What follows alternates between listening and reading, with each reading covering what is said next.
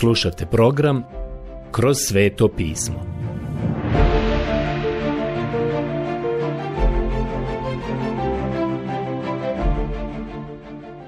Knjiga Evanđelje po Ivanu.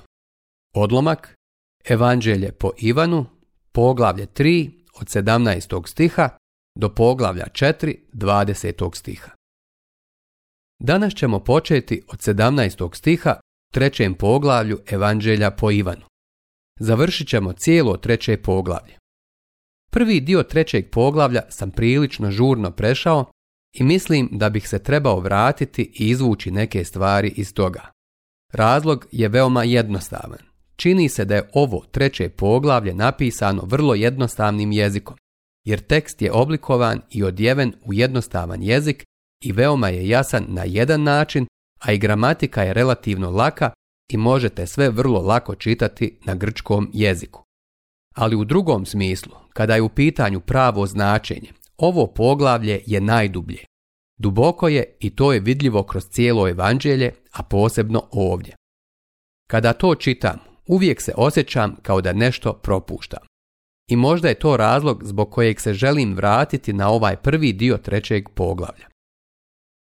Još jedan osvrt na Isusov susret sa Nikodemom i sa učenicima Ivana Krstitelja. U 17. stihu Isus kaže sljedeće. Jer Bog nije poslao svog sina na svijet zato da osudi svijet, nego da se svijet po njemu spasi. Evanđelje po Ivanu 3.17 Ovdje vidimo da Isus razgovara sa Nikodemom. Nikodem je bio farizej, a farizeji su vjerovali da će Mesija suditi kada dođe. U starom zavjetu su predstavljena dva aspekta mesijinog dolaska. Dolazio je kao spasitelj, dolazio je umrijeti i platiti kaznu za naše grijehe, a zatim je on dolazio kao sudija i ta riječ znači upravo to. Imali su razloga vjerovati da će Mesija kada dođe biti sudija, jer nam je u drugom psalmu u devetom stihu rečeno Vlada ćeš nad njima željeznom palicom. Prorok Daniel govori o njemu kao o sudi cijele zemlje. Knjiga proroka Daniela, 7. poglavlje, 13. i 14. stih. A u psalmu 45 nam je rečeno da će on suditi svijetu po pravdi. I u knjizi proroka Izaije u 11. poglavlju ponovo nam je to rečeno, da je on pravedni sudija. Zatim opet u knjizi proroka Izaije u 42. poglavlju. Dakle, Čak su i proroci to spominjali. Prijatelji, gospod Isus sada vrlo jasno stavlja do znanja Nikodemu da Bog ovaj put nije poslao svoga sina na svijet da sudi svijetu, već bi taj svijet kroz njega mogao biti spašen. To je Božja otkupiteljska namjera koja obuhvata cijeli svijet. Mesija nije došao suditi svijetu. Pročitat ćemo sada 18. stih.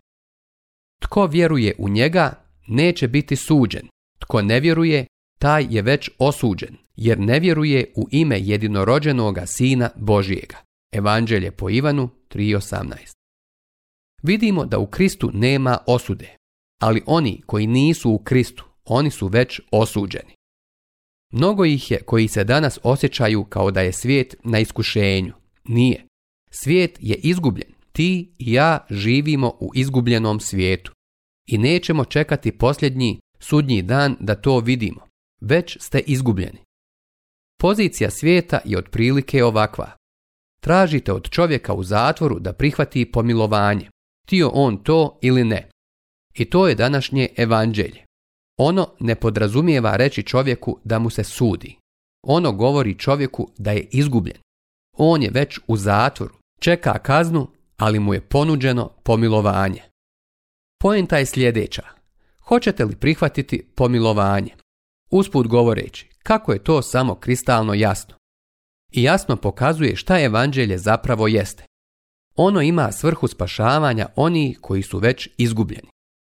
Još nam je rečeno sljedeće. A sud stoji u ovom.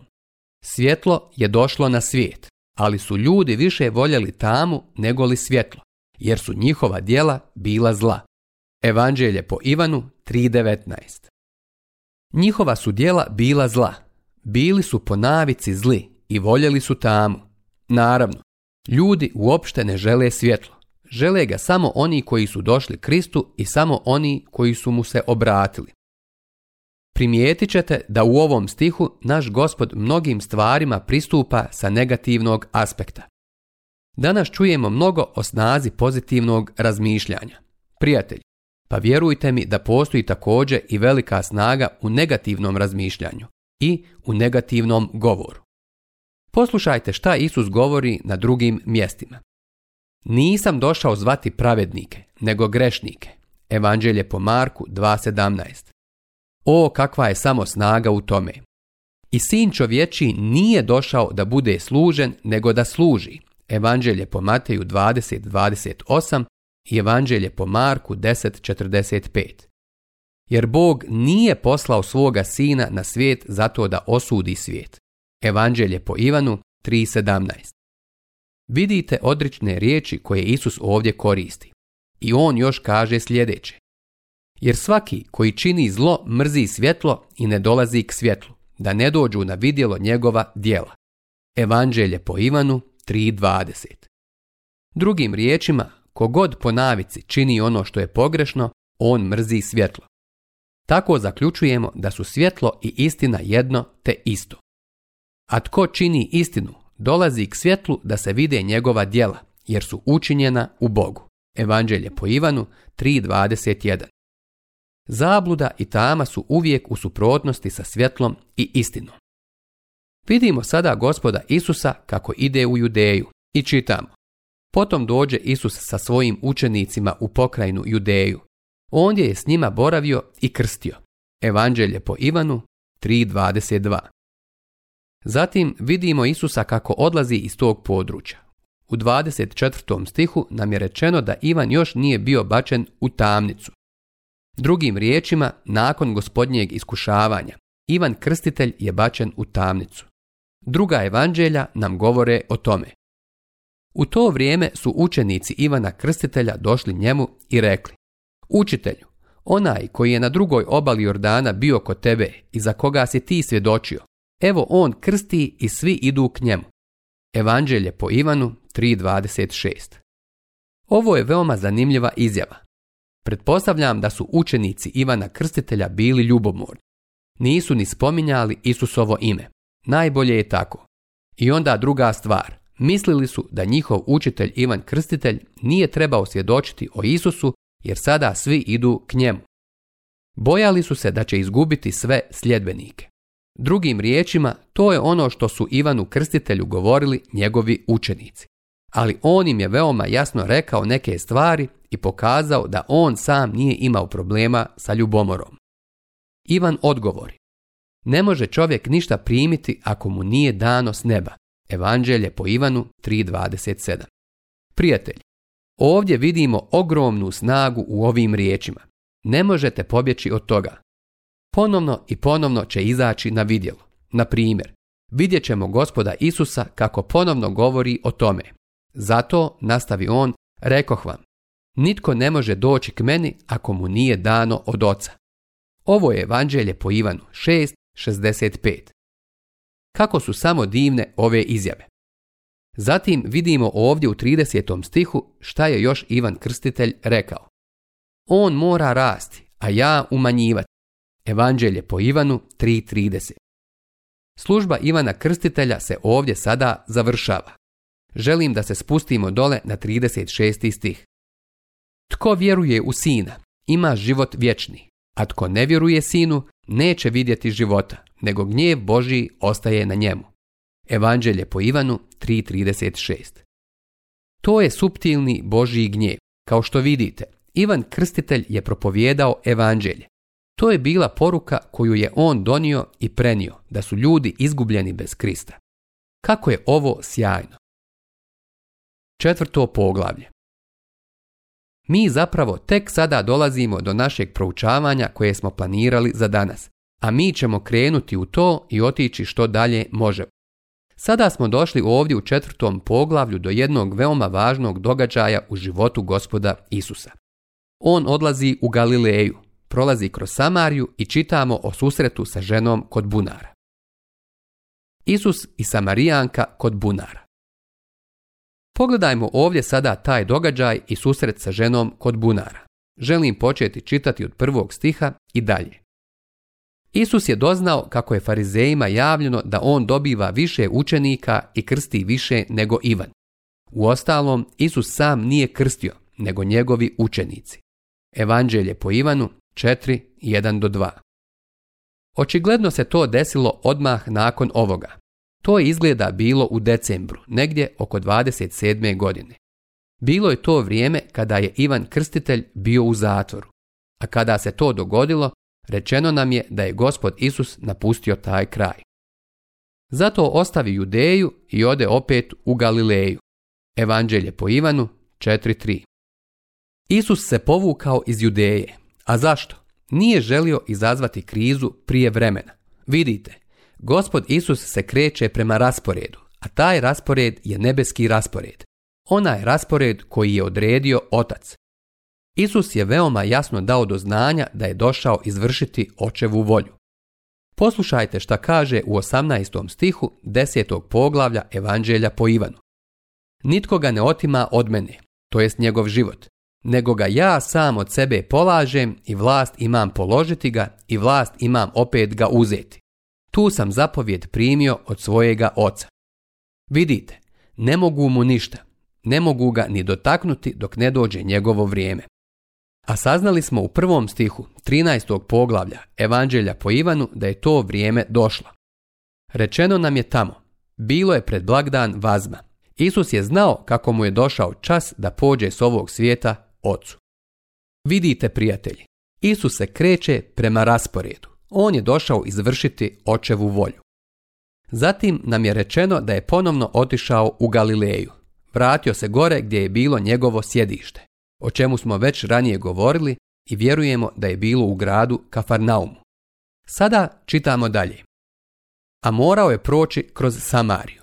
Evanđelje po Ivanu 4.4. Naravno, ova riječ morao ponovo privlači našu pažnju. Pa zašto on mora proći kroz Samariju? Da dođe do ove žene kod bunara. Poslušajte šta Isus kaže u 34. stihu. Moja je hrana to da činim volju onoga koji me je poslao i da izvršim njegovo djelo. On mora proći kroz Samariju. Zašto? Jer je to očeva volja da on prođe kroz Samariju. A njegovo je odredište očigledno bila Kana Galilejska, gdje je pretvorio vodu u vino a bio je i izvjesni uglednik čiji je sin bio bolestan u Kafarnaumu. On je krenuo u tom smjeru, ali prolazi kroz Samariju. Postojala su tri puta kojima je mogao ići. Mogao je ići duž obale. Tamo je bila ruta koja se tamo i danas nalazi. Zatim je mogao proći kroz Pereju koja je sa druge strane Jordana. Ili je mogao proći kroz Samariju. Ivan nam kaže da je najdirektniji i najkraći put bio kroz Samariju. Isus je prošao kroz Samariju zbog te žene koju je trebao sresti kod bunara. Ovdje nam je sada rečeno sljedeće. Tako dođe u samarijski grad koji se zove Sihar, blizu zemljišta što ga je bio darovao Jakov svojemu sinu Josipu. Evanđelje po Ivanu 4.5 U blizini je i Josipov grob, ovo je račvanje stare rimske ceste južno od Sihara. Ovdje je on sada susreo ženu kod bunara, a brdo Gerizim je na sjeverozapadu. Bio sam na tom mjestu i tamo sam napravio neke fotografije. Sinagoga Samarijanaca je bila na padini planine Gerizim i vidimo da je to mjesto na koje sada dolazi naš gospod. Ovdje nam je rečeno u šestom stihu sljedeće. Tamo je bio Jakovljev studenac, Umoran od puta, Isus je sjeo na studencu. Bilo je oko šeste ure. Evanđelje po Ivanu 4.6. Šesti sat prema rimskom vremenu je bilo šest sati na Po hebrejskom vremenu je to bilo 12 sati u podne, a očigledno se ovdje držimo hebrejskog vremena.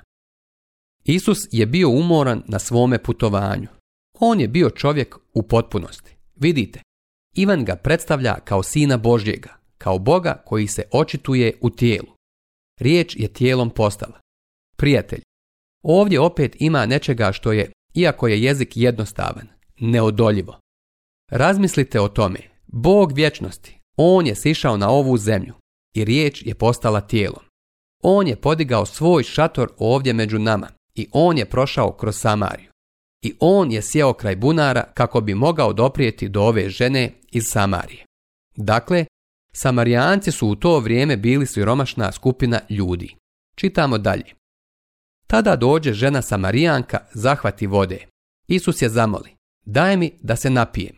Evanđelje po Ivanu 4.7 Ova žena je očigledno bila jedna raspuštena žena. Mislim da je vjerovatno bila vulgarna i nepristojna. Ona je bezobrazna i nemoralna. Danas bismo je nazvali pogrdnim imenima. Koliko je samo ona drugačija od čovjeka koga smo vidjeli u prošlom poglavlju, od Nikodema. Sjetite se da je Nikodem bio religiozan od glave do pete, a naš gospod je bio oštar i vrlo direktan sa njim. Ali primijetite koliko je on nježan prema ovoj ženi. On od nje traži uslugu. On želi zadobiti njenu naklonost. Bio je žedan. Zatražio je vode od nje. Ova žena ga je odbila dva puta, Ovdje vidimo da je ona imala primjedbe na to što joj se obratio i odbijala je bilo kakvu duhovnu implikaciju koju je on ovdje napravio. Sa njegove strane možemo vidjeti veliko strpljenje i poniznost, jer on koji je bio voda života zatražio je vodu od ove žene. A očigledno je bilo podne. Njegovi su učenici bili otišli u grad kupiti hrane, što i vidimo u osmom stihu. A sada ćemo pročitati deveti stih žena mu Samarijanka odvrati. Kako možeš ti, židov, tražiti od mene, žene Samarijanke, da se napiješ? Židovi naime ne održavaju veze sa Samarijancima. Evanđelje po Ivanu 4.9 Kažem vam, ova žena ovdje je nepristojna i drska i vjerovatno u ovoj situaciji ovdje zabacuje svoju drsku glavu i pravi sada ovu rasnu razliku. Samarijanci bi trgovali sa Hebrejima i prodavali im stvari, ali oni uopšte ne bi pili sa njima iz iste posude. I vidite što naš gospod ovdje radi. On se zapravo spušta na najniže mjesto na koje je mogao doći. Obratite pažnju na to kako je naš gospod postupio sa njom. Bio je veoma vješt, saosjećajan, ali s njom se nosi snažno, govori o vjeri i o činjenicama. Ne drži joj govor o integraciji ili građanskim pravima. Nije bio kandidat za neku političku funkciju. Samo je privukao njenu žensku znatiželju. Stvorio je kod nje zanimanje, interes, žeđ. I primijetite šta joj je rekao. Isus joj odgovori, kad bi ti znala Božji dar i onoga tko ti govori, daj mi da se napijem, ti bi ga zamolila i on bi ti dao vodu živu. Evanđelje po Ivanu, 4.10. Vidite, on je stvarno privukao njenu znatiželju. Zapazite kako se njen stav odmah promijenio. Žena mu je rekla, gospodine, to je prije izostavila, jer je bila drska i bezobrazna, ali sada mu se obratila sa gospodine. Žena mu odvrati. Gospodine, nemaš čim ni zahvatiti, a studenac je dubok. Odakle ćeš uzeti vodu živu? Evanđelje po Ivanu Vidite, ovdje je poenta u tome da ova žena razmišlja u terminima fizičkih stvari. Usput govoreći, njeno razmišljanje nije moglo ići više od nivoa vode u onom bunaru. To je najdalje i najviše što je mogla ići, a onda je ona postavila sljedeće pitanje.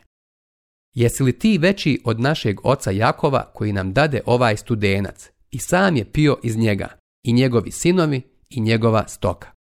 Evanđelje po Ivanu, 4.12. Vidite, njezino razmišljanje je na nivou vode u tom bunaru, a i kao što vidite, poistovjetila se sa Jakovom. Naravno, ona to čini namjerno. Obratite pažnju na to kako naš gospod nastavlja razgovarati sa njom. Isus joj odgovori. Svaki koji pije ove vode, opet će ožednjeti. A tko pije vode koju ću mu ja dati, neće ožednjeti do vijeka, nego voda što ću mu ja dati, bit će u njemu izvor vode što teče u vječni život.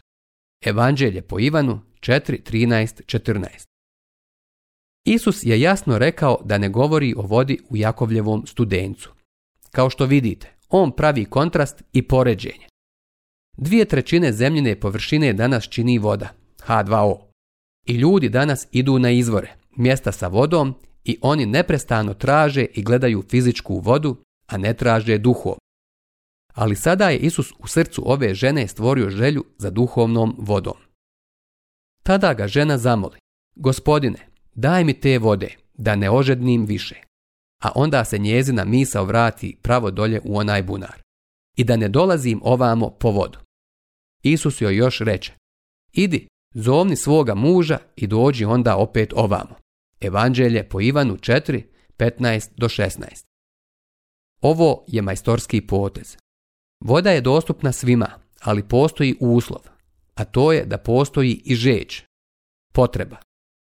Tako i ona dakle mora priznati da je grešnica, a kada naš gospod kaže idi pozovi svoga muža, ona ponovno postaje lakomislena. Poslušajte šta ona kaže. Žena odvrati, nema muža. Isus joj reče, pravo si kazala, nema muža, jer si imala pet muževa i sada ovaj koga imaš nije ti muž. To si pravo kazala. Reče mu žena, gospodine, vidim da si ti prorok. Evanđelje po Ivanu 4, 17 do 19. Pravo si kazala, nemam muža. U vezi sa tim je bila iskrena. Zašto? Uvidjela je da mu ne može ništa sakriti. Rekla mu je, gospodine, vidim da si ti prorok. Zašto? Zato što je on njoj rekao, jer si imala pet muževa i sada ovaj koga imaš nije ti muž to si pravo kazala. Živela je u preljubu, bila je grešnica, a jedan od razloga zašto nije bila toliko popularna među ženama u gradu bio je taj što je bila previše popularna među muškarcima u tom gradu. I nakon prvobitnog šoka ova žena je počela govoriti o pobožnosti. Ona sada želi voditi razgovor o vjeri i pobožnosti.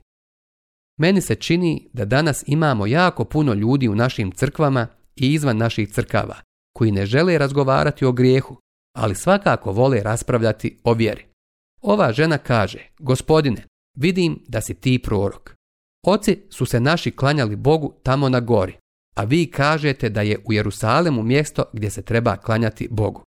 Evanđelje po Ivanu 4.20 Prijatelji, ovo sada je dobar početak za razgovor o vjeri. Gdje se vi klanjate? Na ovoj planini ili u Jerusalemu.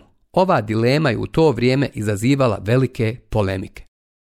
Sada će se gospod Isus pozabaviti sa ovom ženom i on će se izdići iznad svih rasprava o vjeri i iznad bilo kojeg prikrivanja grijeha koje ova žena praktikuje, jer on se želi pozabaviti njom i dati joj vodu života. Ali to ćemo morati ostaviti za sljedeći put.